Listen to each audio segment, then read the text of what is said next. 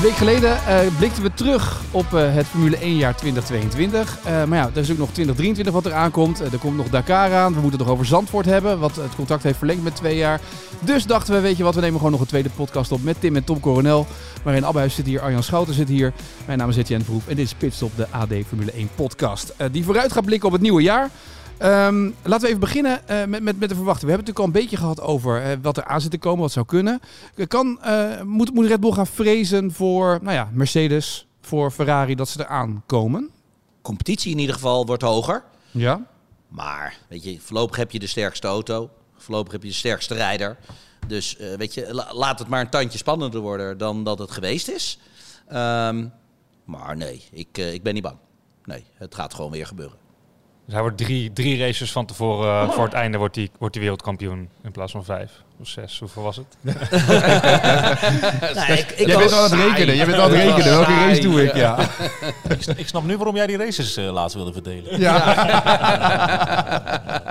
nou, ik hoop wel dat Mercedes er echt bij komt.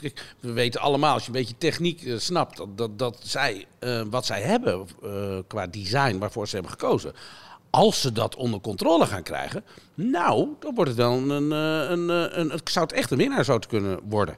Nou, je ziet nu al in de races dat ze dichtbij zitten. Dus ja, nee, ik zou het voor de competitie vet vinden. Ja, maar dan, daarmee, als ze dichterbij komen, dan moet Red Bull ergens iets laten liggen of ze op dit niveau blijven. Want anders kom je niet heel veel dichterbij, toch? Nou, we mhm. weten dat ze minder windtunneltijd hebben. Ja. Maar we weten ook dat ze nog iets over hebben. Ja, dat weet dus jij misschien, maar ik weet dat niet hoor. Nou ja, niet alleen ik. Uh, bedoel, uh, Max weet het ook. Ja. Max weet en Christine Horner weet het ook. Ja. maar wat, wat hebben ze nog over dan? Nou ja, weet je, dit is, dit is, het gerucht gaat, en dat zie je ook een beetje. Je leest het ook hier en daar een beetje. Dat de auto toch wel te zwaar was aan het begin van het seizoen. Um, ja, dat kan je niet helemaal in het, in het seizoen zelf oplossen. Kijk, je hebt nu een winterperiode waar je wat meer over kan nadenken. Dus je kan de puntjes op de i zetten, je kan het gewicht wat omlaag brengen. Weet je wel, dus daar, daar, daar. Ja, ik geloof dat daar nog wat rek in zit. Maar waar, waar, waar komt die Montignac-cursus dan precies van uh, voor de Red Bull? Waar, waar zit, dat dan, waar zit het gewicht dan nog in? Weet je, dat is altijd moeilijk zeggen. Kijk, het is overal een heel klein beetje. Want uiteindelijk, het is 200 gram hier, 200 gram daar. Maar gaat het echt om, om, om schroefjes, dingetjes, dat soort dingen kijken waar het lichter kan? En... Ja, ja, kijk, als je een nieuwe auto hebt gebouwd, het kan altijd beter. En dat is, dat is het rare. Als je mijn raceauto pakt van een jaar geleden, uh, of twee jaar geleden, uh, vergelijk ik met nu. Ja, ik, ik wou... Dan rij je achteraan. Tim, het is exact dezelfde auto. Ja. Alleen nu zie je uh, een seconde sneller. maar alles is hetzelfde. Het is alleen net allemaal wat fijner op elkaar afgestemd. Dus ja, er is altijd, en dat is het mooie aan Formule 1, het wordt altijd beter en altijd sneller. Oké, maar als je dat zegt, dan zou dus Red Bull twee tiende of drie tiende kunnen winnen eh, deze winter. Ja. Dat betekent dan weer dat Mercedes en Ferrari, die moeten dan een halve seconde overbruggen. Ja, dat klopt. En is dat dan te doen? Nou ja, ze zullen ook niet stilzitten. Kom op. Nee, maar ik heb net eh, in de vorige podcast gehoord, net, in de vorige podcast gehoord, dat, een, dat, eh, dat het nu om die tiendes gaat en dat die het meest moeilijk te winnen zijn. Die eerste seconde, die kan, kan je nog terugpakken. Ja, dat is waar. Maar kijk, inlopen is, is, is altijd beter dan, uh, is makkelijker dan, uh, dan uitlopen. Omdat je precies weet waar de concurrentie zit. ik, het allermooiste vind ik altijd die, die, die spy-fotografen. Die gewoon in, in dienst zijn van de teams. We weten dat Peter van Egmond in dienst is van Red Bull. En die krijgt gewoon opdrachten mee. Van, uh, doe even de upright van, van Mercedes, even fotograferen vanaf de linkerhoek. Weet je, en het is nog veel mooier. Want dat heb ik ook begrepen. Dat de banden bij de pitwissels zo snel gaat het. Die worden gefotografeerd. Daar is een opdracht voor fotografen. Dat wordt direct ja, in één seconde doorgestuurd naar het team. En die zijn dan de banden aan het analyseren van de concurrenten tijdens de race. Ja? Dus Over de bandenspanning, dat soort dingen Nee, niet bandenspanning, slijtage. Slijtage, oh slijtage, sorry. Ja, ja, ja, Want daar, dat, kan je zien. Ja. Bandenspanning kan je niet zien. Oh, maar dan, willen ze het nummer, dan willen ze dat nummertje hebben van de band, waarschijnlijk. Nee, nee, nee, nee, nee, nee Tim. Nummertje, het is, het is de kleur. Het is de kleur is één ding. En je kijkt natuurlijk gewoon naar de slijtagepatroon. Dus het slijtagepatroon wordt direct naar de teams geschoten. 10 seconden na de pitwissel hebben de conculega-teams de slijtage in beeld.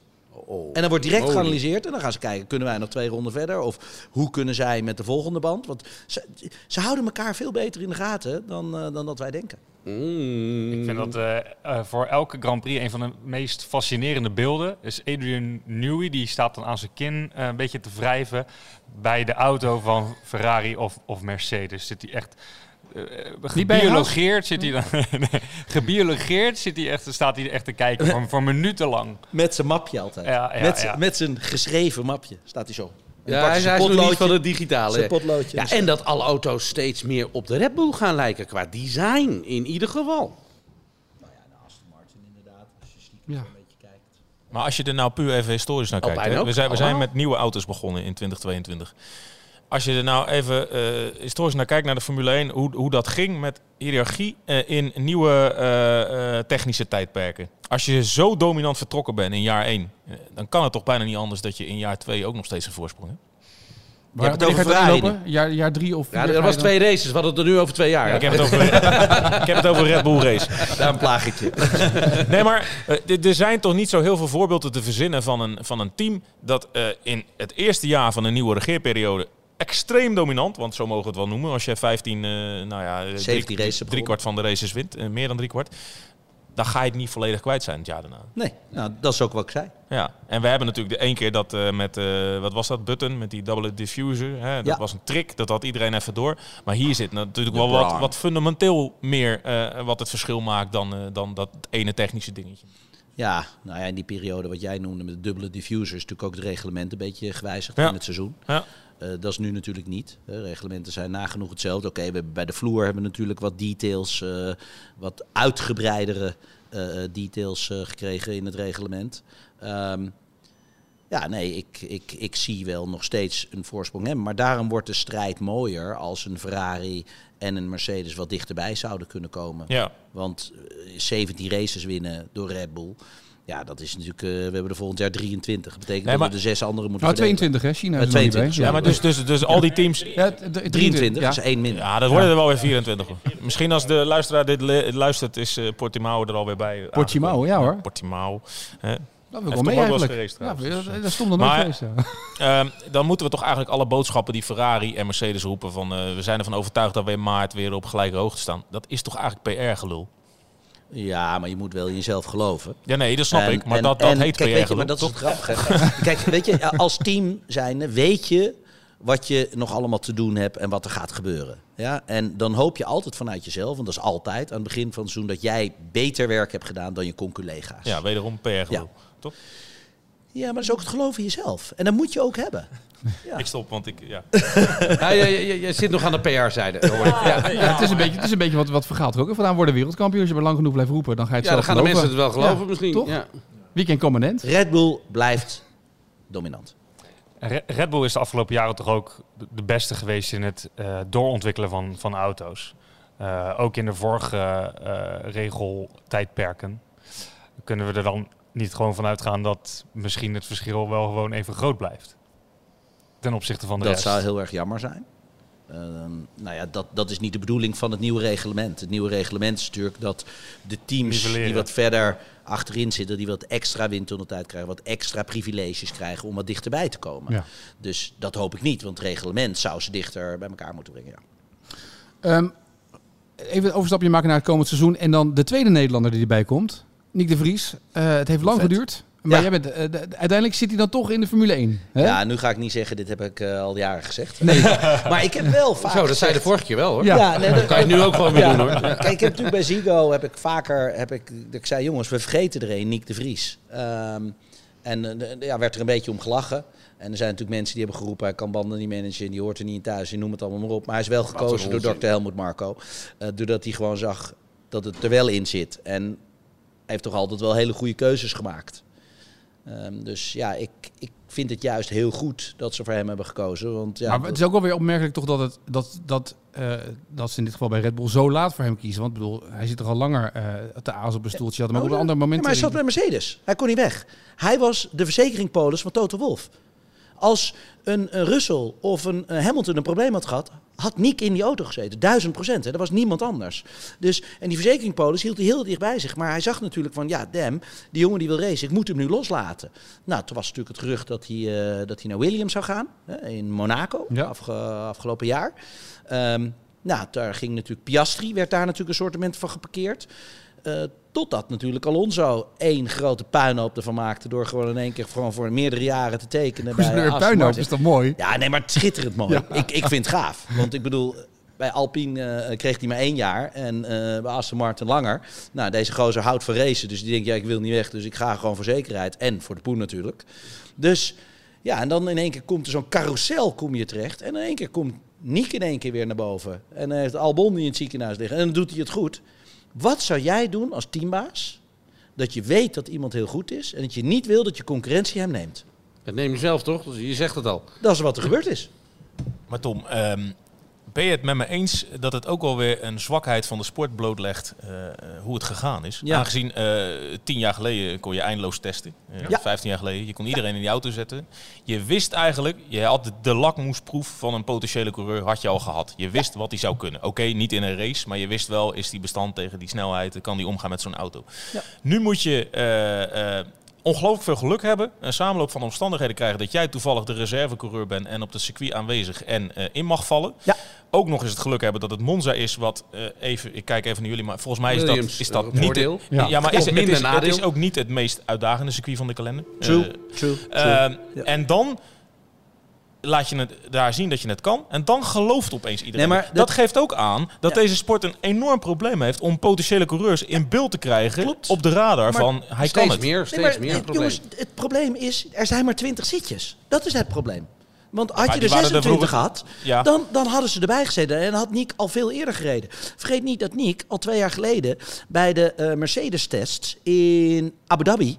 Ja, al gewoon net zo snel was als Lewis. Ja.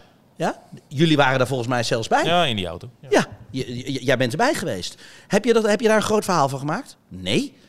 Nee, en dat vond ik raar, dat Nick al lang de potentie heeft laten zien dat hij er had moeten zitten.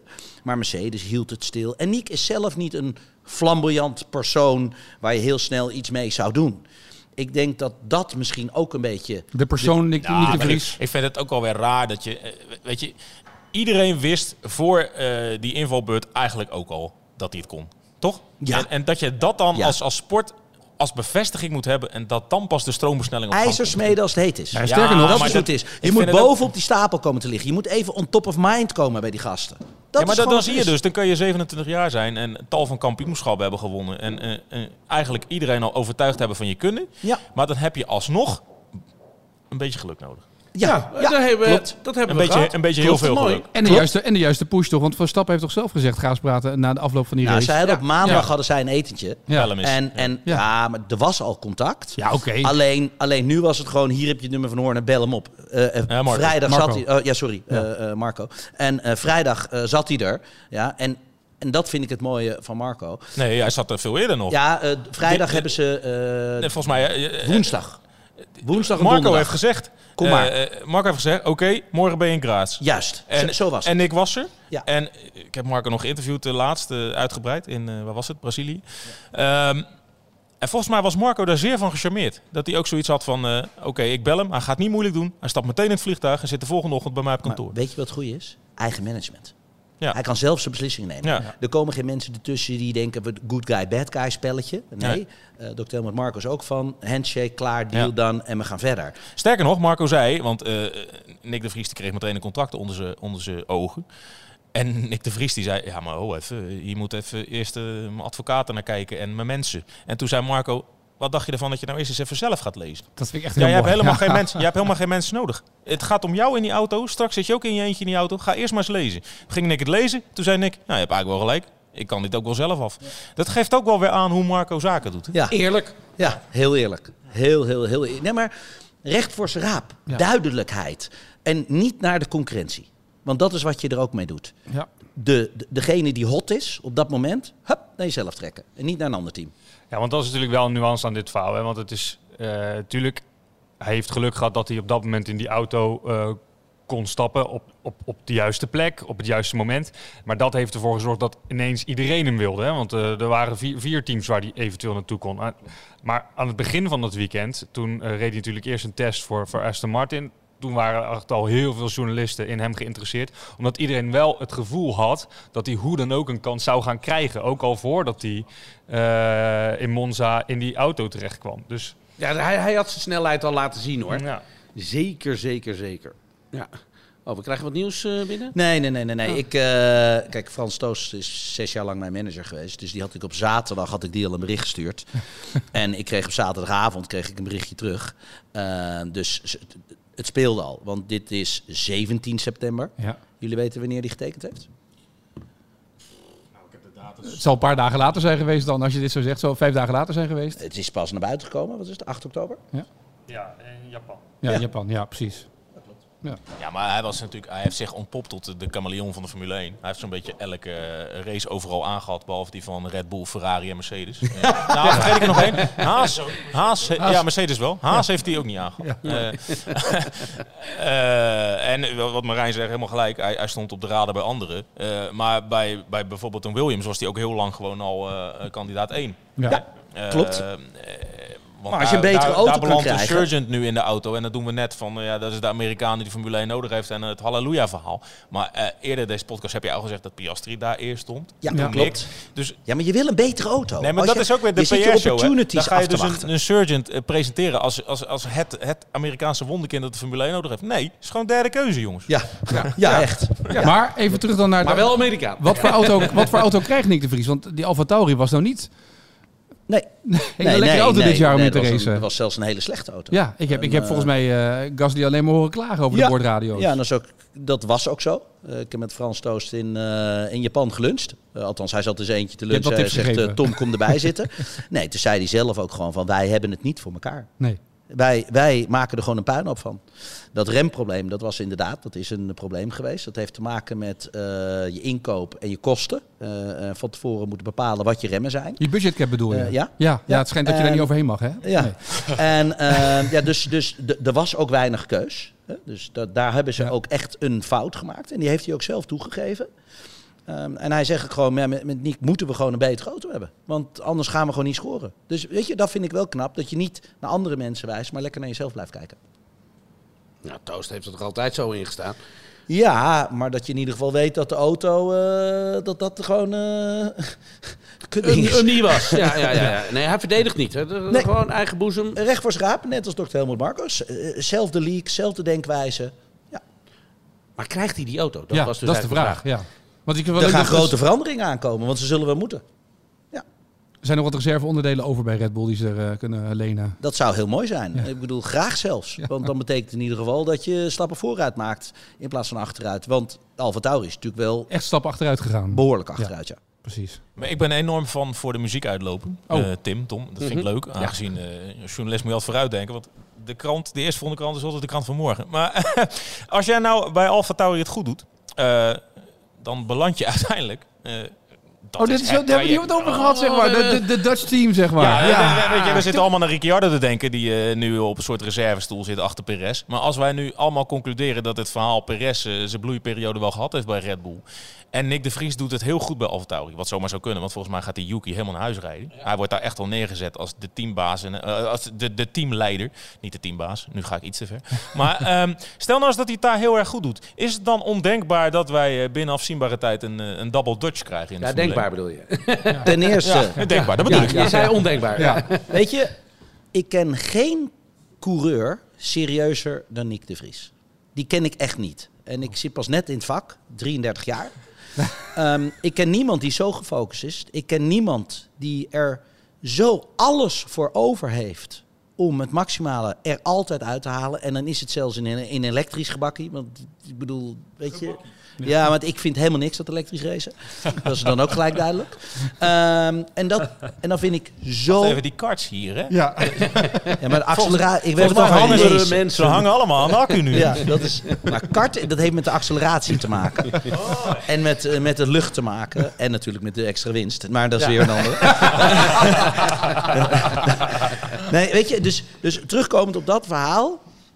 Geloof ik wat jij zegt. Als teamleider wordt hij daar neergezet. Dat heeft natuurlijk omdat hij ouder is en heel veel ervaring heeft. Vergeet niet dat hij bij alle teams heeft gereden. En eigenlijk alle know-how heeft. Hè? Want Ja. dat is het ook wel. Dat is Van alle teams hebben we die blijft bij de engineers zitten, net zolang tot jullie hem buiten in gesprek kwamen. Hij kwam niet eerst naar jullie toe.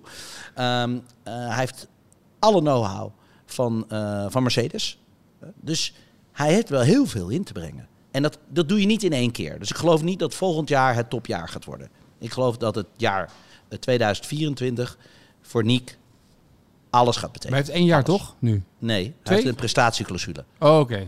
Oh, sorry. Zeg ik misschien nu dingen die... Ik, nee, ik heb hem letterlijk gevraagd voor hoe lang heb je getekend. Hij zegt eh, zolang ik het goed doe. Dat zeg ik, prestatieclausule. Ja. Dus dat is heel goed, inderdaad. Dat is het. Dus met andere woorden, ze kunnen altijd van hem af, ja, maar niet zolang ze hem nodig hebben. Dus halverwege 2024 gaat hij naast Verstappen in de Red Bull. Nee, na, eh, vier- 24 gaat zijn topjaar worden. hangt van En dan, vader af. Dan gaan, we dus, dan gaan we dus praten over 25. Zou het nog wel eens kunnen gebeuren? Kijk, ook in de karting. Niek won het jaar voor Max het kartkampioenschap. Ja? En dan heb ik het over de klasses dat ze alle twee ook gegroeid zijn. En Niek heeft er wat langer over gedaan. Ja. Ja, maar uiteindelijk hij is er wel. Ik ken heel veel mensen die zijn nooit gekomen. Maar het is wel leuk toch dat in het laatste jaar van Zandvoort, dat, we, dat Zandvoort er op de kalender staat, dat we dan nog twee Nederlanders in een... eh, 1 en 2 worden ze dan. Nou, Ja, laten we, ze nou, schrijven die laten vast we op. dat nou als focus houden. Dat we 2025 twee Nederlanders in Zandvoort 1 en 2 zien worden. Dat, die, ja, ik, ik heb wel eens vaker een beetje gebluft. Ja. Maar dit zou wel een hele goede zijn. Maar dan is het ook wel, dat is ook wel een mooi moment om de boel te sluiten dan. Ja, Want dan gaat de gemeente eh, zeggen, ja, maar nu zijn we zoveel Nederlandse successen. Dan, dan moeten, Extra we, belasting. dan moeten Ja. we 25 euro uh, vermakelijkheidsretributie op die kaartjes. Ja, en daar kan het niet meer doorgaan, Zandvoort. Ja, ja, ja. Oh jawel hoor, mensen hebben het er nog steeds voor over hoor. Die 25 euro maakt dan echt niet uit. Wat, wat- hoe kijken jullie daarnaar, jongens? Ik, nee, maar ik zal het even uitleggen. Er is een, een klein relletje. Eh, ik kijk, Zandvoort eh, heeft twee jaar verlengd. Alleen ze zitten enorm op ramkoers met de gemeente. Ja. De gemeente is van zins, nieuw college, eh, eh, is van zins om van eh, over 2024 en 2025, hè, over de eerste drie jaren is al een afspraak gemaakt. Over 2024 en 2025 willen ze er eh, Ook van een paar euro retributie, eh, eh, dat noemen ze dan vermakelijkheidsretributie, over die kaartjes heffen. Hè? Eh, om, om dranghekken te betalen, nou, parkeerwachten, je noemt het allemaal maar. Ze Parkeerwachten hebben ze wat- nodig, toch? excuses en dit en dat. Ja, aan de andere kant zeg je, joh, je moet het wel samen doen. Hè? Laten we even wel zijn. Ehm, natuurlijk moet je allebei strijden voor wat je waard bent, maar je doet het wel samen. En Zandvoort heeft natuurlijk wel ook ervoor gezorgd dat het dit nu er staat. Hè? Niet alleen het circuit, hè? Samen hebben ze het gedaan. Mwah, mwah, mwah. Ik Ja. ben van mening dat eh, Bernard en eh, zijn maat het risico hebben genomen. Jazeker, maar ze hebben het nog En, steeds samen want, gedaan. eh, want als er verlies is, dan zijn zij de enige die het verlies moeten slikken. Want Ja, maar, de- maar met een breder plan natuurlijk. Die Ja. Formule 1 is vijf dagen is bedoeld om die andere 300, eh, wat is het, eh, 60 dagen het circuit Ja, vol maar voorlopig moet je wel het risico nemen. Ja. Hè, Voorlopig ben jij wel de ondernemer. En de regio heeft er serieus profijt van gehad. Heel, heel, heel heftig. Dus eh, weet je, ik, ik vind het altijd raar dat je stiekem probeert mee te snoepen. In plaats van dat je het eventjes gewoon even heel goed... eh, ja, maar moet het afhankelijk zijn van die 2, 3 euro? Het is wel Ja, zonde joh. van die Weet je, die discussie. 2, 3 euro. Ja, Nee, maar dat- maakt dat, helemaal dat, niks dat ben ik met je eens. De mensen betalen het wel. Ik bedoel, ze Ja, hadden tuurlijk. anderhalf miljoen eh, kaart aanvragen voor 2,23. Ja, Dat we komt hebben op. godsnaam Als het 1,50, 2, 3 euro, al is het 10 euro, die kaartjes die vliegen de winkel uit. Ja. Tegelijkertijd snap ik ook wel weer dat Jan Lammers, hè, kind van Zandvoort, een beetje teleurgesteld is in de gemeente. Aangezien ze vanaf begin hebben geroepen, ja, zelf doen. Eh, wij gaan niet helpen. En nou is de gemeente in die zin een kleine speler, maar de regio riep hetzelfde. Ja. Eh, land, eh, Den. Haag liep hetzelfde. Mark Rutte Ja, riep die zelf, ook zelf. Ja. die zei, eh, jongens, eh dop broek je eigen boontjes Ja, maar, ja. toedeloe. Ehm, dan heb je een, eh, een bizarre business case voor Nederlandse begrippen neergezet. Hè, eh, met alles wat je voor elkaar gebokst hebt. En dan zegt de gemeente opeens, ja, maar ja, dit is wel heel succesvol. Ja, nee, maar dat... En nu, Nee, nu maar kost gaat het om succesvol of gaat het om meer lasten? Dat is dus de vraag. Ja, nee, De natuurlijk. zegt natuurlijk. dat het succesvol natuurlijk. is, dus die wil meesnoepen, dat is dan het woord. Of zijn er ook echt meer kosten waarvan je eigenlijk van tevoren niet echt hebt nagedacht dat je daar samen uit moet Nou ja, daar heb ik Dat de gemeente, daar heb ik de gemeente natuurlijk over gebeld. En daar zegt eh, de gemeente heel duidelijk over, eh, we hoeven er geen winst op te maken, maar het moet een kostendekkend plaatje zijn. Eh, en daar vinden gemeente en eh, circuit elkaar niet helemaal. Want circuit zegt al, eh, ja, jullie en de regio eh, profiteren al enorm van Meer alles wat we hier doen. Hè, Dus, ja. 65 miljoen in de, de grootregio eh, Amsterdam, wat er extra uitgegeven wordt. Ja. En de gemeente zegt, ja, maar dat is allemaal leuk en aardig. eh, maar dat is in de horeca, in de hotels. Eh, de gemiddelde eh Zandvoort die gewoon in een flatje woont met een beetje uitzicht en geluidsoverlast, die profiteert niet mee. Maar die moet dan wel voor de dranghekken en de parkeerwachters gaan betalen. En het mooie van dit vind ik, dit is een hele Nederlandse discussie. Ja, Ja. ja. ja. In Ja. Abu Dhabi, Saudi-Arabië en Bahrein lachen Zou zich eens een helemaal discussie zijn. Nee. Zo, maar dat is dus wel eh, het, het speelveld waar je in beweegt. Hè? Want jij bent met de gemeente in de clinch over 1,50, 2 euro op een kaartje. En een ander land legt zo even lachend 100 miljoen neer. En eh, daar gaat Zandvoort op lange termijn best wel last van hebben, denk ik. Ja, dat vind ik een hele slechte zaak. De business case en het risico is genomen door Squeepark Zandvoort. Ehm, dus die vind ik dat zij eh, de laatste daarover mogen beslissen. Want er is niemand die zei vorig jaar met COVID toen de verlies werd gedraaid. eh, mo- moeten we even bijlappen? Nee, maar daarom, ik snap heel erg dat mensen denken van, ja, wat zit dat, wat zit die, geme- eh, dat circuit nou te zeiken over die paar eurotjes. Maar volgens mij hebben ze hier best wel een valide punt. Net wat jij zegt, ze zijn de enigen die eh, financieel het risico hebben durven Er is dragen. maar één die zijn bal in de hoogste boom heeft gehangen. Ja. En dat is Bernard met zijn hele clubje. Ja. Voor de rest helemaal niemand. Dus die man die blijf ik steunen. Want die heeft, die heeft dankzij Max natuurlijk het Ja. naar Nederland gehaald. Maar wel het risico genomen. Ja. En dat vind ik altijd, weet je, als je ondernemer bent en jij hebt 100% aandelen. Dan gaan op een gegeven moment andere mensen, omdat jij succes hebt, willen ze ook aandelen. Ja, dat vind ik een slechte case. Maar zal ik jullie nu het mooiste van dit verhaal vertellen? Eh, ik heb sterk het idee dat er op het gemeentehuis in Zandvoort eh, afgelopen jaar een bedrijfsuitje is geweest naar de pannenkoekenboot in Amsterdam. De pannenkoekenboot in Amsterdam heeft ook, moet ook anderhalve euro eh, op elke bezoeker retributiebelasting afstaan aan de gemeente Amsterdam. En wie je ook spreekt in Zandvoort, iedereen noemt het bijvoorbeeld pannenkoekenboot Amsterdam, moet je ook 1,50 betalen. Dus daar hebben ze het kip met de gouden ouwe gevonden. Nou, ik zou je zeggen, ik was pas bij een goede locatie. promo voor die pannenkoekenboot. Ja. Ja, ik was pas bij een locatie voor training. En dan zeiden ze ook, als je daar blijft slapen, zeg maar, prima. Maar als wij daar willen boeken met een groep, moeten we ineens, eh, los van de prijs die we betalen voor de hotelkamer en voor het arrangement, 7% energiebelasting eroverheen betalen. Dus, dus los van de toerismebelasting, krijgen we dus een 7%. Ja, wij verbruiken zoveel Jongens, energie, klopt. Ik heb geboekt bij Van der Valk in Verviers. Ik was aan het testen in Spa. ik kreeg achteraf, let op, achteraf 2,50 euro volgens mij eh, voor het gebruik van de airco. Ik denk, dit kan niet waar zijn, dit is een grapje. Moest jij betalen voor het gebruik van de airco? Ja, ik kreeg, ik kreeg er nog een mail over ook. Ik denk, er is meer tijd aan besteed dan dat... dan, dan, dan, dan dat Gooi het oplevert. lekker in die prijs van de kamer. Ja, maar weet je, ophouden over dit ding. We gaan, zullen we het hebben over autosport? Nou, mag Ik, ik wel even- over een auto dan. Ik huurde laatst een auto in Sao Paulo. En toen zei die vrouw bij Hertz, dat is allemaal leuk en aan, maar je mag er donderdag niet mee rijden. Want dit kenteken is niet toegestaan op donderdag. Want je hebt donderdag een kenteken waar je niet mee mag rijden. Ja, dus Sao Paulo is zo druk. Daar mag je maar eh, eh, met elk kenteken maar zes dagen van de zeven dagen rijden en één dag niet. En je hebt precies die ene dag. Ja, maar ik moest wel betalen voor die auto. Oh, oh, oh. Maar, Maar goed, ik ter ben- zake. Want eh Zandvoort is verlengd voor twee jaar, maar het is natuurlijk de wereld van het grote geld. Eh, Ja, Las nou. Vegas komt erbij. Eh, Miami is natuurlijk groot. Ik bedoel, we weten hoeveel geld er omgaat in Saudi-Arabië als het nodig is eh, om daar een, Grand Prix te organiseren. Ehm, hoe groot gaan de kansen zijn na deze periode voor, voor maar Zandvoort? kijk, weet je... Houdt het Zandvoort- ergens ook op? Moeten we genieten van deze vijf jaar en dan klaar? Ja, nee, nee, nee. nee. Sowieso nee. genieten. Nee, Ja. kijk, wat er is gebeurd is dat eh, de Formule 1-organisatie heeft gezien dat Zandvoort het echt zo goed heeft gedaan. Zo netjes met Max. De hele show, de beelden die de wereld overgaan. Dat is natuurlijk ook, dat heeft ook een bepaalde waarde. Maar ja, er gebeurt weinig. Het is natuurlijk wel een beetje een parade natuurlijk. Zandvoort op een gegeven moment.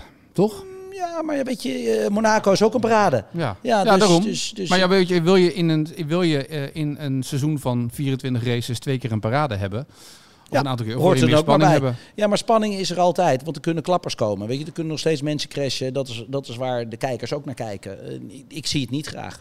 Maar wat ik wel heb gezien is dat Zandvoort de norm Formule 1 races 2.0, eh, de entertainment factor, alles wat eromheen zit, wel eventjes omhoog heeft getrokken. En daar heeft de Formule 1 natuurlijk ook wat aan. Dus ja, in die case denk ik, eh, ze doen het goed. Het is, het is een belang van iedereen. Want de niet hele alleen wereld heeft het over Zandvoort. Wat een feest en hoe mooi het daar was. Nou ja, het is voor Zandvoort Dus- ook wel belangrijk met de plannen die ze hebben. Want uiteindelijk willen ze dat circuitpark helemaal aanpakken. Ze willen daar die hele pedalclub vast gaan neerzetten. Ze willen daar achter waar nu dan van die ja, eh, de hospitality units staan, willen ze helemaal vast daar gaan neerzetten. kan niet voor één race. Hoef ik jou niet uit te leggen. Nee. Niet alleen de Formule 1. Dan Nee. kan je dat niet neerzetten, kan je het ook niet bouwen. Goed plan, gaat nooit gebeuren. Oké, helder. Nou, dan zijn we er ook over uit. Nou, in ieder geval niet rendabel gebeurd. Nee, nee, precies. Maar daarvoor hebben ze dus lang de Formule 1 nodig. Dat is een beetje het verhaal natuurlijk. Dat ze in ieder geval continu de, eh, de schijnwerpers op hebben staan. Dat ze meer willen, vijf dagen lang, zes Jongens. dagen lang. Twee jaar hebben we al extra. Ik bedoel, volgens mij is het allemaal bonus wat we tot nu toe hebben gekregen. Mooi. Zullen we naar Dakar gaan? Zand. Zand. ja, leuk. zand van Zandvoort De naar. Zand. Ja. Want eh, eh, jullie gaan weer Dakar doen. Hoe gaat het eigenlijk met z'n tweeën in die auto? Als ik jullie hier zo samen zie zitten, hoe gaat dat? Hetzelfde. Hetzelfde? Ja, eh, scherp, Ja? eerlijk, duidelijk. Ja, maar ik heb jullie ook wel eens meegemaakt dat jullie heel scherp en duidelijk naar elkaar kunnen zijn. Maar als je samen in die auto zit, kan je niet even weglopen en zeggen... Nee, maar ja, hallo, we zijn toch gewoon duidelijk naar elkaar. En je weet toch wanneer het goed en wanneer het fout is. Maar als, alsof dat elke seconde zo is. Volgens mij zijn we gewoon heel geconcentreerd gewoon een route aan het rijden hoor. Ik denk dat wij de beste combi zijn die je kan hebben. Ja? En dat meen ik echt. Omdat wij blood-related zijn. Omdat we weten dat we elkaar nodig hebben. Eh, we zijn inderdaad scherp naar elkaar. Ik bedoel, we hebben echt wel eens discussie en dan zeggen we gewoon... Ja, nu is het afgelopen. Ja, maar nee, nu is het klaar. En dan gaan we ook gewoon verder. Want je moet ook gewoon verder. Ehm, maar dat de scherpte af en toe is, het komt omdat je alle twee hetzelfde belang wil. hebt. Ja, het beste eruit halen. Ja. En, trouwens, we hebben, we hebben belachelijk veel plezier ook Ja, onderweg. het is hè. ook Laten we dat vet. ook even niet vergeten. Ook echt lachen. En dan kijk dat we elkaar daarna af zitten te zeiken van... joh, je had die scheppel even netjes vast kunnen zetten of eh, dat soort dingen. Ja, dat, is, dat, is, dat, dat hoort erbij. Maar dat maakt het avontuur zo mooi, hè? Maar wat, wat maakt Dakar zo mooi voor jullie dat jullie er steeds aan meedoen? Steeds met een, een nieuwe auto komen om weer te denken, we gaan wat anders ermee doen? Ehm, wat jullie op National Geographic zien, dat zien wij in het echt. Dus En we dat ruiken staat, het, eh, ja. Eh, het is de competitie. Het is iets met, met mijn tweelingboer doen. Eh, want normaal ben je altijd een beetje tegen elkaar aan het racen. Nu doe je het samen. Ehm, je doet iets unieks. Het is een privilege. Je bent bevoorrecht mens om dit te mogen doen. Want hoeveel mensen zouden Dakar willen rijden? Ehm, ja, en dat, dat in die combinatie. En dan eh, ook een beetje de competitielevel erin. Hè? Elkaar een beetje, een beetje Scherp oppoken. houden. Scherp houden. Van wat is dit? Eh, eh, supporten van elkaar. Hè? Van nee, ik denk dat de bodemplaat los is. Doorrijden. En dan bleek dat wiel De los hele zat. wiel los zat. Hele wiel los zat. Het, als er een lekker... Ik zei het toch, nou heb ik een lekker band. Ja, ja. Gaat dat. ja, maar we hebben drie minuten gewonnen en we kunnen de band wisselen in twee minuten. Dan winnen we toch een minuut. En zo Oh zitten we dan de wiel te wisselen. Ja. dat, is, dat is gewoon lachen. Of als je, als je problemen hebt onderweg en je moet het met z'n tweeën oplossen. Dat is ook Eigenlijk vind ik dat het leukste. Ja, dat is... Dat, Als ik even terugdenk. Ja. ja, Tim zoekt inderdaad iets meer het avontuur op. En ik zoek iets meer de competitie op. ja. Daar hebben we af en toe wel eens een conflictje. Ehm, of een lichte discussie, hoe je het noemen wil. Nou ja, maar daardoor helpen we elkaar ook op dat, die ogenblikken. Hè? Omdat je elkaar op dat vlak juist aanvult. Ja, het allermooiste, jongens, dit is een anekdote, deze lachen. Wij komen, we komen een vallei in, Ja. iedereen is de weg kwijt, ze rijden alle kanten op. En wat doet Tim? Ik rij een rondje. En wat zei ik toen? Nee, Eikel, je moet die kant op. Ja, ik zeg, wat ben je nou aan het doen? Ik zeg, nou ben ik de weg kwijt. Nou weet ik niet meer de meters. Ja. Ja, maar eh, ik zeg, Tim, wacht even. Waarom ben je rondjes aan het rijden? Ja, ik weet niet waar ik naartoe moet. Ja, dan moet je stilstaan, want ik weet waar we naartoe moeten. Ik heb de notities. Ik zeg, zie je daar? Zie je daar die keien? Zie je daar die stenen? Zie je die berg daar?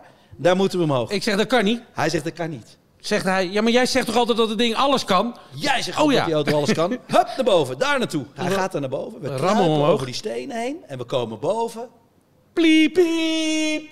Wij hadden de waypoint. Huppatee eroverheen. En pleiten weg waren. Hoeveel man hebben we daarin gehaald? Ja, ik denk een stuk of 25. Echt. Sterker nog, Alonso stond aan de zijkant zijn wiel te wisselen.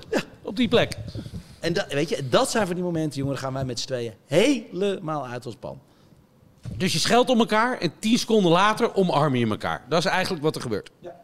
Nou was ik laatst bij Jos, hè. Eh, die reed de, de Spa-rally. Ja. Ehm, ik heb Jos nog nooit zo zien stralen als die dag. Hij vond, Vet, het, hè? hij vond het echt prachtig. Ja. Het, het, het, het, spelen met de auto heeft hij het een paar keer genoemd. Hè? Ehm, jij zegt, Tom, eh, ik ben meer van het competitieve. Tim is nog meer van het avontuurlijke. Eh, ik kan me voorstellen dat dat eh, elk jaar misschien wel iets meer richting het avontuurlijke verschu- verschuift. eh, hoe ouder je wordt. Eh, correct me if I'm wrong. Maar, ehm, ehm, is dat dat spelen met die auto, is dat ook een van de, de, de componenten, die, dat, avontuurlijke wat, wat, wat Dakar zo mooi maakt voor jullie? Als ik begrijp wat Jos bedoelt met het spelen van de auto, hij zoekt natuurlijk grenzen op.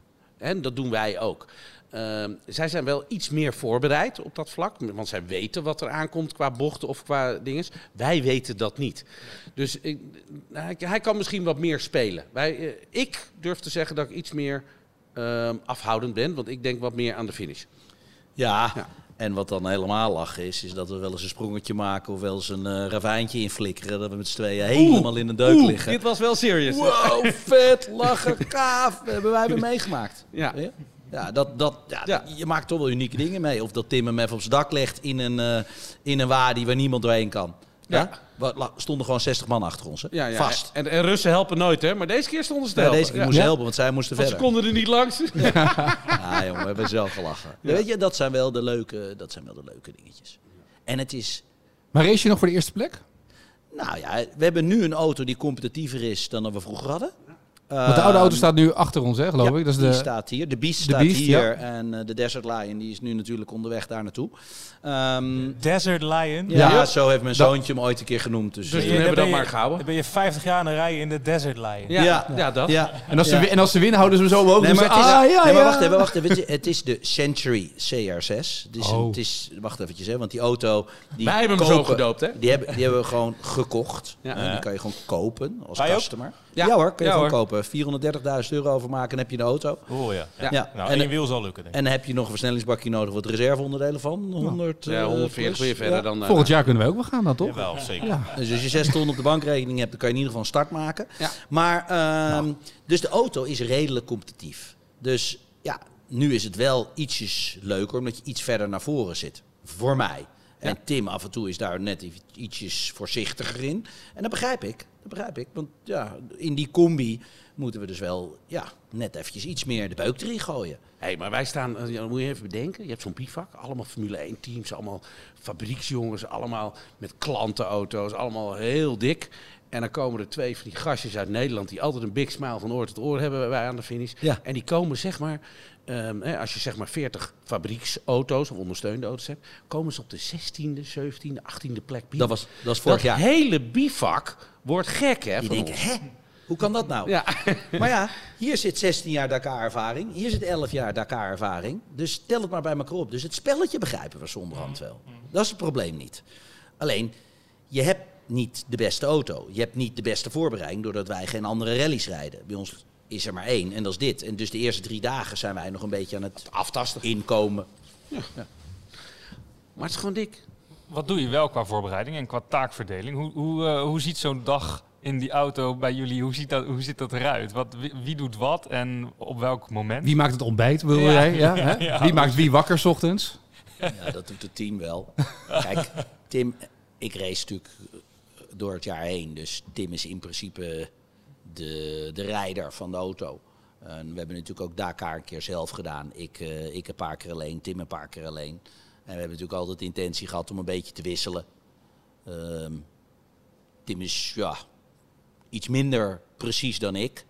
Dus in navigeren ben ik misschien net even wat sterker. Tim automatisch dus ook wat sterker in het rijden, doordat hij meer rijdt. En meer ervaring. En meer Maar aan ervaring. de andere kant, joh, eh, het, op een, een of andere manier voelt het goed. Maar we zijn dit project natuurlijk wel gestart om een beetje lekker samen een plezier te maken. Alleen ehm, het plezieraspect wordt natuurlijk anders als er competitie bij komt kijken. Ja. Ja. Ja, want dan wil je het uiterste eruit halen. Dus denk ik, nou, dan kan ik maar beter Tim laten rijden. Dan kan ik maar beter navigeren. Dat is een moeilijke balans, Ja. durf ik te Dus, zeggen. eh, ja. Want ik, ik heb liever dat Tom meer rijdt. Want dat vind ik weer vet. ja. Ja, dat kan ik me voorstellen. Maar ik vind het weer vet als ik de duintjes zie en eh, Tim lekker rijdt. Want dan surfen we er lekker doorheen. Ja, maar je doet het nu voorkomen alsof je naar, naar- door, de Franse, eh, door het Frans landschap rijdt. Ja. En dat je lekker in, door de bergen rijdt en even naar buiten kijkt. Oh, nee, nee, je- ho, ho. Nee, je gaat met de billen bij elkaar, hè? Dat, Ja. dat, dat Nee, zit er wel bij. Het is serieus spannend allemaal Ja. hoor. En eh, ik weet altijd dat Maar de eerste wat- twee wat- dagen. als je competitief bent, wat is dan het plezier? Want je zegt net, ja, 16e, 17e, maar jullie zijn allebei gedreven. Jullie willen alle, als ik Tom hoor praten, denk ik al, die wil alleen maar winnen. Dus wat is dan de lol Nou, als om... wij 16e, 17e zijn, Dan ben je eigenlijk is eerste. dat als Dan een is dat- overwinning. Hoor. Ja. wereldkampioen. Ja. Want dat, dat kan niet. Dat kan niet wat we doen. Als wij finishen rond plek 20. En eigenlijk als je eronder finish ben je wereldkampioen geworden. Als je eh, 22, 23 wordt, heb je, hebben wij gewoon de rally gewonnen. Want beter dan dat bestaat niet. Dat kunnen we niet met spullen, met de Qua voorbereiding. snelheid en allemaal dat soort dingen. Dat is nou helemaal zo. Maar nou, nou zijn jullie eh, geslaagde ondernemers, eh BN'ers. eh, in de eerste plaats misschien ook wel gewoon vaders. Ehm Podcaststerren. podcaststerren. Oh, dank je. Formule 1 analisten. Ehm eh, laten we vooropstellen, het is ook best wel gevaarlijk wat je doet, toch? Hè? Dakar Ja. Rally is geen eh, walk in the park. Eh, moet je het wel eens uitleggen thuis? Nice. Nee. Nee. Sterker nog, ik ben ehm, door mijn meisje, mevrouw, bij Dakar terechtgekomen. Gabi, die race altijd. En eh, die eh, had Dakar meegedaan met een vriend van ons.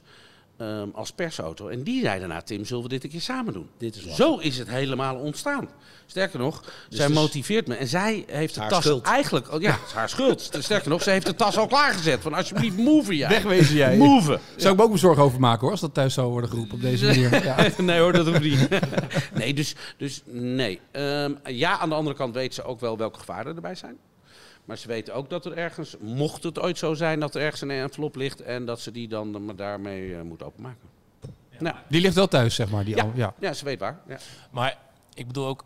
ehm, heb, je het nog, heb je het nodig als mens nog? En dat bedoel ik niet zozeer eh, de, de, de, ehm, de sportieve eh, prestatie neerzetten. Maar de, de, is, het, is het ergens ook een uitlaatklep? Ja. Ja? Ja. ja, het is in een periode dat er weinig gebeurt.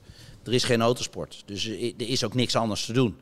Dus dan is dit wel het juiste moment om het ook te doen. Want als dit midden in de zomer zou zijn, zou ik zeggen, jongens, veel plezier allemaal. Ik ben Nee, maar dan ben je bij. te druk met andere dingen. Ja, nee, maar da- da- da- daarom probeer ik aan te geven. Dit is precies de periode dat past.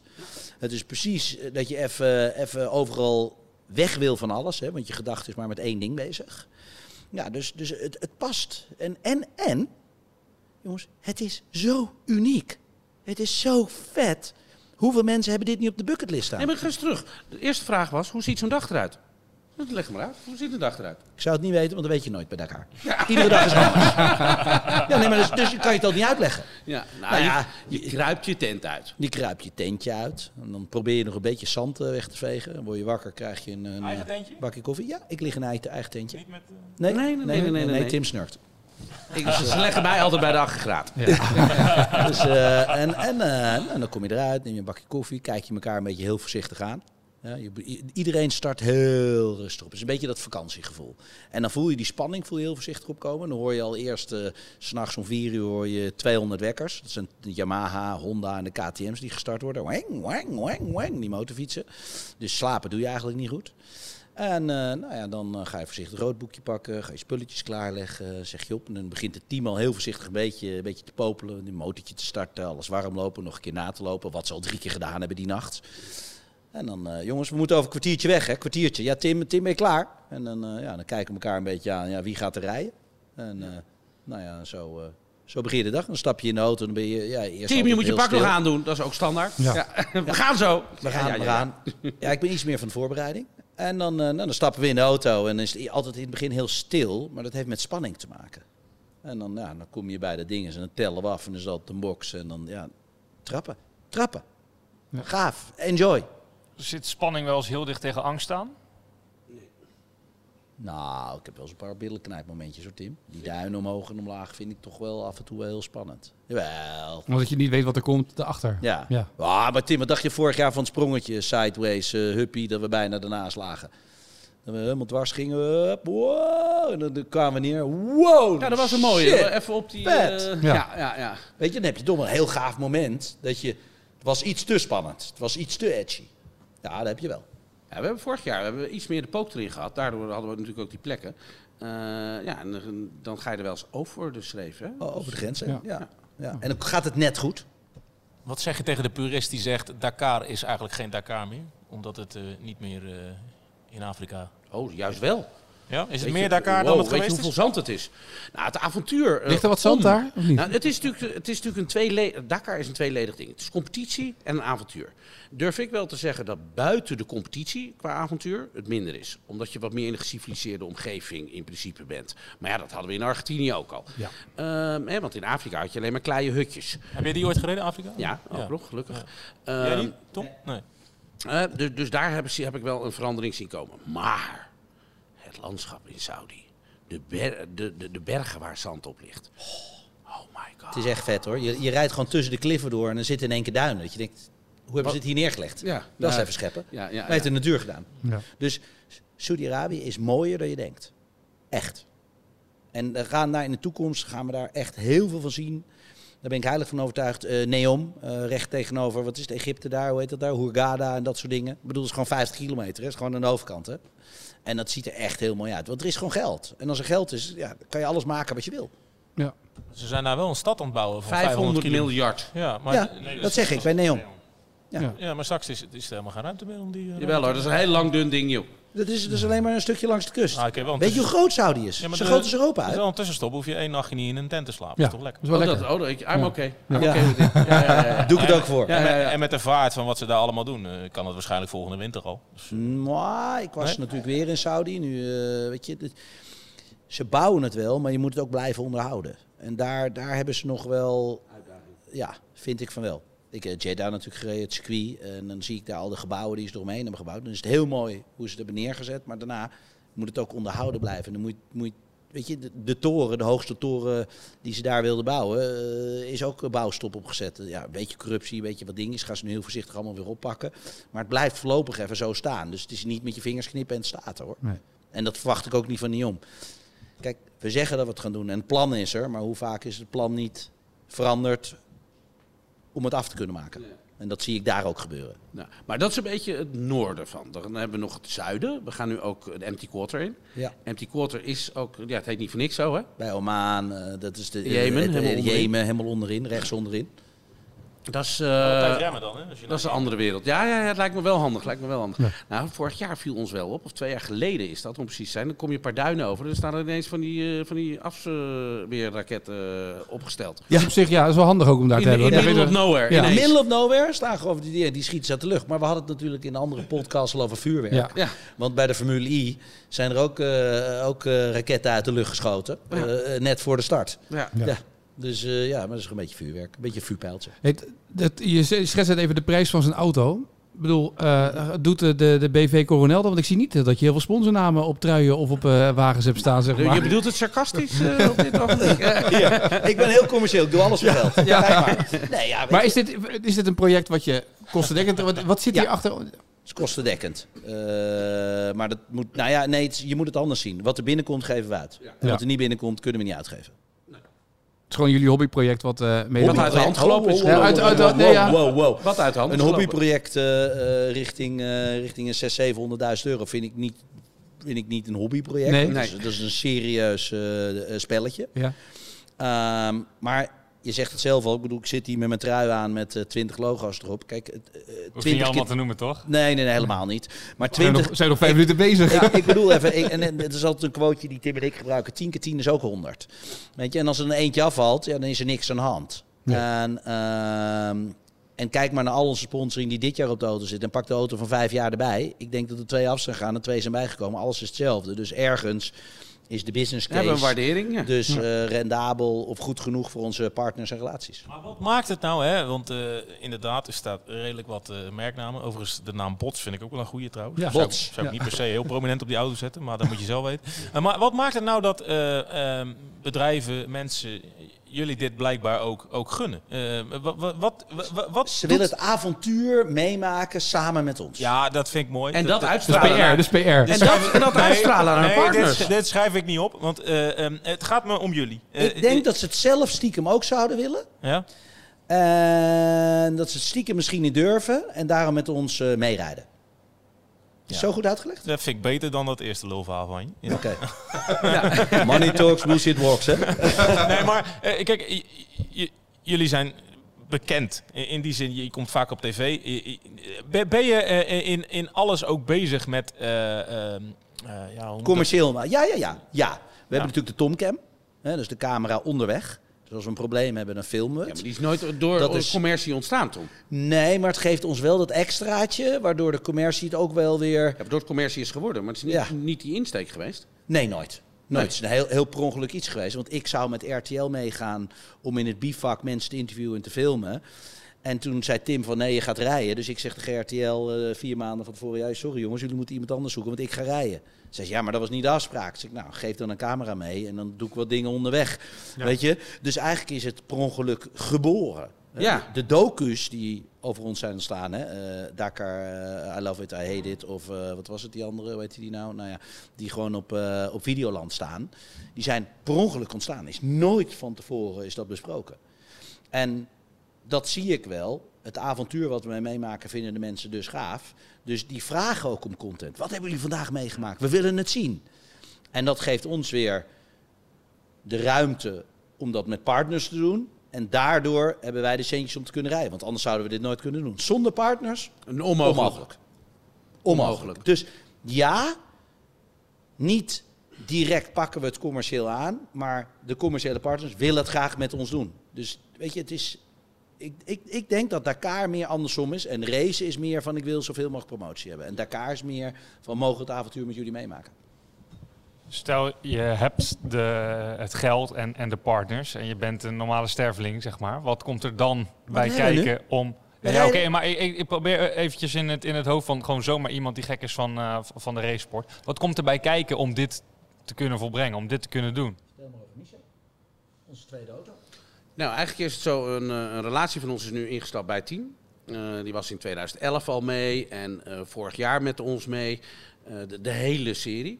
En hij zegt, joh, ik vind dit zo mooi, dit spel. En ik, ik heb het idee dat het, eh, dat het iets voor mij is wat ik sowieso af wil vinken. Dus die heeft gezegd, joh, ik ga gewoon zo'n auto kopen. Die heeft centjes. En ehm, met die centjes uiteindelijk eh, is hij gewoon ingestapt. Heeft hij een auto gekocht, bij ons eh samen gegaan. is gewoon een ondernemer, hè? En we zijn het gewoon gaan rijden. Ja, maar... Alleen je rijdt wat langzamer dan. Oké, maar wat, wat doet hij in, in, in, in het dagelijkse leven om ervoor te zorgen dat hij, Hij- goed genoeg hij is om de. Dakar rally te Eh, rijden? tweedehands heftrucks die, eh die Ja, nee, het, gaat, het, gaat, het gaat om de skills. Het gaat om, ja, maar de om- skills kan je bouwen. Ja, maar heel veel hoe, te rijden. Hoe, hoe bouw je Nou, die? ik ben met hem eh, dit jaar ben ik eh, naar Spanje gegaan. We hebben de Andalusia rally gedaan. We hebben de Portugal hebben de rally gedaan. Eh, in Nederland hebben we allemaal rallies gereden. Ja, eh kilometers maken. Je moet kilometers maken. Dat Ervaring is telt. En talent?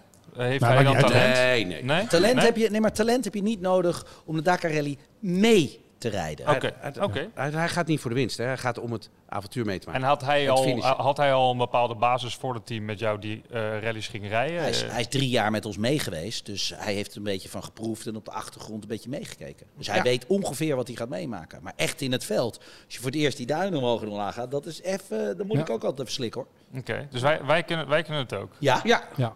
We moeten alleen nog even 6,5, 7 ton ergens vandaan krijgen. Maar Ja. misschien dat Bart Verkade na deze podcast denkt, weet je wat? je moet niet aan die Vind- 6, 7 ton denken, dat probeer ik nou net uit te Nee, leggen. snap ik. Nee, ja. 30 keer 20 is ook 6 ton. Ja, precies. Nee, dat, gaan we dat even doorgeven aan de commerciële afdeling. Nul logos op je truitje, Jen. Ja, ik heb een Vergeet verkeerde trui aan. Ja, dat is waar. Nou, gaan we, dat gaan we snel regelen bij deze. Eh, jongens, jullie moeten nog een keer op de foto, want het Ja, staat ook nog ja. in de krant, het hele verhaal. Eh, dank dat we we hier konden aanschuiven voor de eindejaarspodcasts. Hè? Tim, Tom, Marijn, Arjan, jullie ook dank. En eh, tot in eh 2023 maar weer. ja, en we beginnen lekker met Dakar dan, oké? Is goed, bel maar in. Oké. Wij bellen wel als jullie gewoon aan het racen zijn. Ja, kijken hoe het gaat. Kijk of Tom opneemt. Ja. Doei doei!